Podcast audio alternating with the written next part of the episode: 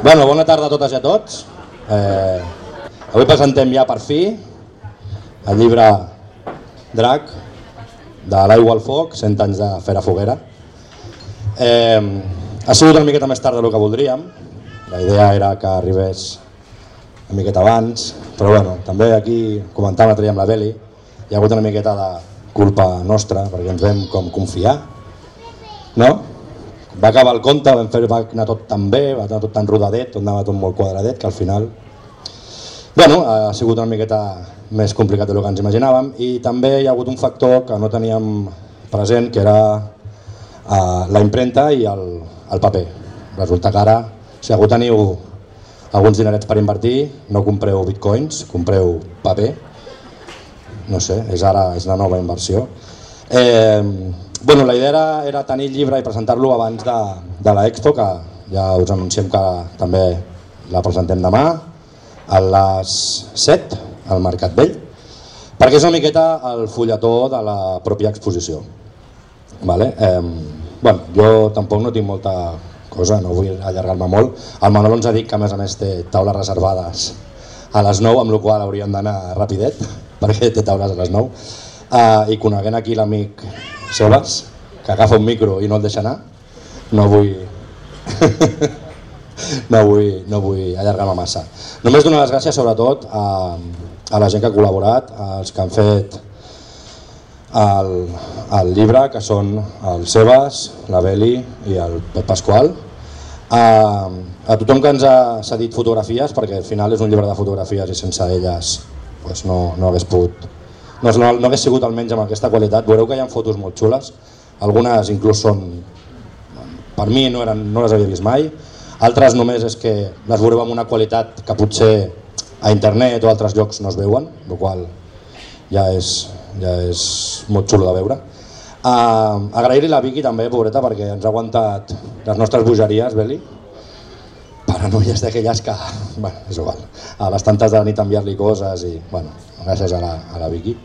També m'oblidava l'amic Morando, que li vam fer un atracament i li vam demanar que, que ens fes el pròleg.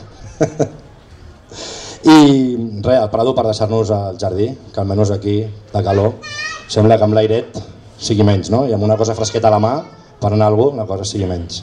Veureu que al llibre eh, hi ha una cosa molt divertida al final, que és un codi QR. Eh, hem fet una pàgina web. És veritat que ara encara està una miqueta com, com dir, eh, en un estadi molt inicial, no trobareu massa cosa, perquè la intenció és que mica en mica que anem trobant més informació o anem fent més actes, anar, anar pujant-hi tota aquesta informació.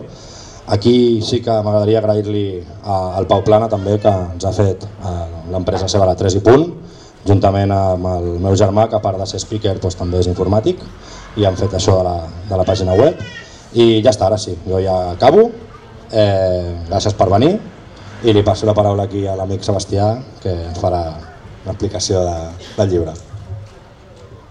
Aplaudiu-lo, aplaudiu-lo, collons, aplaudiu-lo.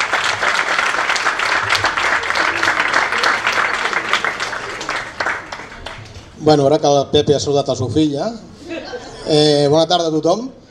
Jo intentaré enrotllar-me menys que el Marc quan diu a vers el drac, sí que intentaré ser breu, val?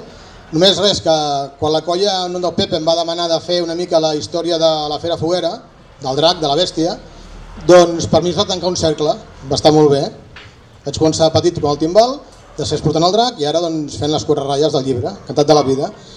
Aquestes quatre ratlles que són? És una mica la història, una miqueta la història de, de la nostra estimadíssima Fera Foguera. Un bitxo de caràcter patrimonial i que més d'un poble li agradaria tenir una bèstia com la nostra, això que quedi ben clar. Val? Llavors, en aquest llibre s'explica, clar, evidentment, del 22 fins ara, però no faré un spoiler perquè vull que foteu gasto i compreu el llibre, però 108 anys abans aquí hi havia una espècie de drac a Sitges, hi havia una tarasca, una tarasca seria com una dragona, una víbria, vale? el problema és que l'únic document que ens parla d'això és una processó que es fa per portar la Mare del Vinyet de la parròquia cap al Vinyet en 1814, amb una tarasca. Posa la tradicional tarasca. Si és tradicional, vol dir que no es flota un dia, que porta més dies. Però no hi ha més informació menys que jo sàpiga. Per tant, és un fil a estirar. Després, amb el pas dels anys, es joga el drac de Vilafranca, també es joga el drac d'aquell poble que hi ha 8 quilòmetres més avall, per sort només una vegada ja està. Val? I a part d'això, al final del 1922 es decideix fer un drac. Hauríem de tenir un agraïment etern al senyor Ferrepino, un agraïment etern, eterníssim. Aquest senyor es mereix una plaça en aquest poble, pel que va fer. Va fer una bèstia al·lucinant. El 1922, si els nostres avis ens ho poguessin explicar, hauria ser una cosa bestial, d'una modernitat exigeradíssima, amb aquells colors, aquells blaus cobaltos, alcafots, devia ser bestial allò, per la gent de l'època. Tot i que en aquella època no hi havia la febre la passió que hi ha ara per la festa major, això és evident, no? Però bé, devia ser una cosa trencant monjos total. Per sort, gràcies a en Pep, doncs es va recuperar la física de la bèstia. No? Jo, en el meu, el meu trosset d'escrit, vaig parlant de com ha anat canviant la bèstia amb els anys, ha anat canviant la pell, ha anat canviant els portadors, perquè la gent té una edat, també. Explico quatre anècdotes tontes, anècdotes aquelles que expliquen els avis, anècdotes de gent que ha passat per la colla, i sobretot donant molta importància a que intentem entendre que hem d'estimar, a part de la festa major, tots els veig estimar-nos el nostre drac. De dracs centenaris com el nostre, es poden comptar amb els dits de dues mans i encara en sobren dits, a tot Catalunya. L'hem de conservar, hem de cuidar, tot i que de tant en tant caigui pels carrers, això ja una part del seu d'això, i si el drac pobret pogués parlar, tindria una Vicky Drac. Parlaria, bueno, seria divertidíssim el que ens explicaria Pobra Bèstia. Que per molts anys tinguem el drac, i passo la paraula a la Beli, que és la historiadora, en Pep, i evidentment foc a la bèstia. Vinga, gràcies.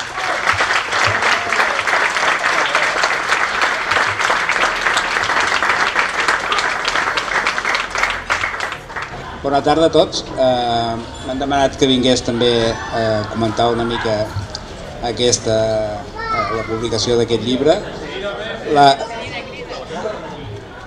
la, meva, la meva intervenció amb el llibre és bastant testimonial. Explico una mica el que es va fer fa uns anys i això que explicava el Sebas, que eh, quan a mi se'm va proposar aquest, aquesta aventura, perquè no deixa de ser una aventura, pues, eh, clar, jo sempre havia pensat que aquest drac, el que deia el Sebas, fa 100 anys era una peça extremadament moderna no? i que estaria bé recuperar-lo. Es va intentar recuperar amb la mesura del possible perquè no teníem molta informació i ara veureu, demà veureu que s'han fet unes petites modificacions petites gràcies a noves documentacions que hem trobat. Eh, espero que us agradi i eh, bàsicament el que hem canviat és una mica el concepte les formes són les mateixes, els colors, la gamma de colors és la mateixa, però una mica el concepte que jo crec que s'ajusta més al concepte que hauria transmetre el Ferrepino. Res més i us esperem demà a l'exposició i que gaudiu d'aquest drac centenari.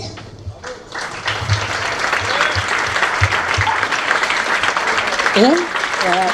Bueno, ara ja em queda molt poc per explicar. Eh, primer de tot, agrair també a la colla la confiança que, que ens han donat, eh, amb el Pepe també perquè li han donat confiança i sobretot amb mi perquè jo crec que sóc poc de... Ara ja puc explicar, tothom explica coses que han fet per festa major, mm, jo no he participat en res fins avui, que ja puc dir que, que, que he format part d'aquest centenari i estic molt feliç d'haver-ne format part. Doncs això que dèiem, quan va començar Pepe el llibre?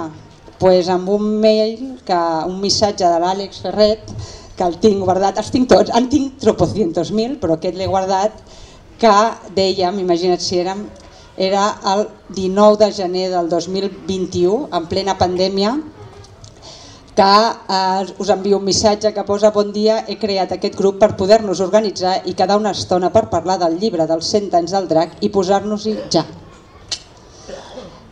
Els caps de setmana estic d'il·legal a Sitges, baixava, ja veieu, i puc quedar quan us vagi bé. Doncs res, han passat més d'un any i, nou, i vuit mesos i set mesos. Semblava una feina molt fàcil, però jo crec que valia la pena esperar. Eh, et vas enredant perquè la vida d'aquest animal, d'aquesta fera foguera, vulgueu o no, és emocionant i nosaltres ens vam anar entrant amb aquest, amb aquest rol d'anar buscant-li moltes vides. I el primer, tot i que vam començar amb el llibre, pensar el llibre, demanar-li ja el text al Pep, ai, al Pep, demanar el text al Mancebes i jo posar-me a inventar o a, a fer el meu text, que és un text, sí, és històric, és, parlem d'iconografia, eh, parlo també del tema de la que és la Fera Foguera, que aquí parlem molt de la Fera Foguera, però si ens n'anem a fora de Sitges ningú coneix una fera foguera, no la coneixen perquè el nom de fera foguera és de Sitges únicament i l'única fera foguera que existeix en tot el patrimoni tradicional català fins a dia d'avui i fins i tot podríem dir espanyol com a fera foguera és la de Sitges. I vam començar amb el llibre que ja fa 3 o 4 mesos ja ens vam reunir aquí per fer el conte. Eh, vam deixar una mica el llibre de banda però ha valgut molt la pena perquè li hem donat moltes voltes hem decidit, hem triat moltes fotografies, hem estat, eh, és el que us deia, hem mirat, tot i que les fotografies podeu semblar que totes us poden semblar iguals, evidentment és el drac i com els coneixeu no deixen posar gaire altres animals, és a dir, per allà, no ens deixen posar altres peces patrimonials, però tots tenen un detall, potser alguna fotografia era més bonica des del mateix any vista des d'un altre punt, però trobareu petits detalls que ens indiquen només una, que és una que és una fotografia del drac al cap de la vila, però ens indica perfectament que és l'any 92 perquè a darrere hi ha una decoració que es veuen amb les Olimpiades d'aquella festa major de l'any 92. És a dir, està ple de detalls. I eh, només era el fet de que eh, quan em van demanar si els podia ajudar com es feia un llibre, eh, vaig equivocar-me, no els vaig posar, no és un pamfleto que hem fet per l'exposició, això és un catàleg eh, un pitjor, pitjor. És un tríptic, no, és un catàleg de l'exposició, no, és broma, però és, és una, crec que és un llibre que, que és els primers 100 anys, ens quedem en aquest llibre en els, podríem dir, en el corpus passat, comencem el centenari amb un drac brutal, que demà ja veurem tots, eh, que torna a agafar el que dèiem, l'essència de Ferrepino, hem de pensar que de Ferrer Pino a ara ha passat per moltes mans, però també hem de pensar que de l'artista Ferrer Pino hem passat a un altre artista, és a dir, hem d'entendre que el drac, eh, al ser una peça viva que surt cada any, que es crema cada any, eh, que sí que l'han pintat, l'hem posat eh, de color verd, de color blau, de, ja ho veureu, de tots els colors que ha arribat a tenir tots aquests 100 anys, però necessitàvem que un altre artista, que sempre els artistes s'emmirallen amb, evidentment, amb Goya, amb Velázquez i en aquest cas amb Ferrepino, eh, l'agafés, agafés el que és, el, m'hi torno a, a adentrar i ja veureu que és, bueno, és una peça magnífica que ens sentirem tots superfeliços de, de tornar-la a gaudir. I res, i moltíssimes gràcies. Eh, aneu buscant, si us plau, aneu remenant ara, aneu remenant calaixos, si teniu fotos, encara que es vegi molt petit, ja veureu que una de les fotos més meravelloses que hi han l'haureu de buscar, el drac, a la fregata. És a dir, busqueu fotos i, i penseu que, que nosaltres necessitem anar, anar documentant-nos perquè nosaltres tenim unes explicacions, expliquem una sèrie de coses, però necessitem més documentació.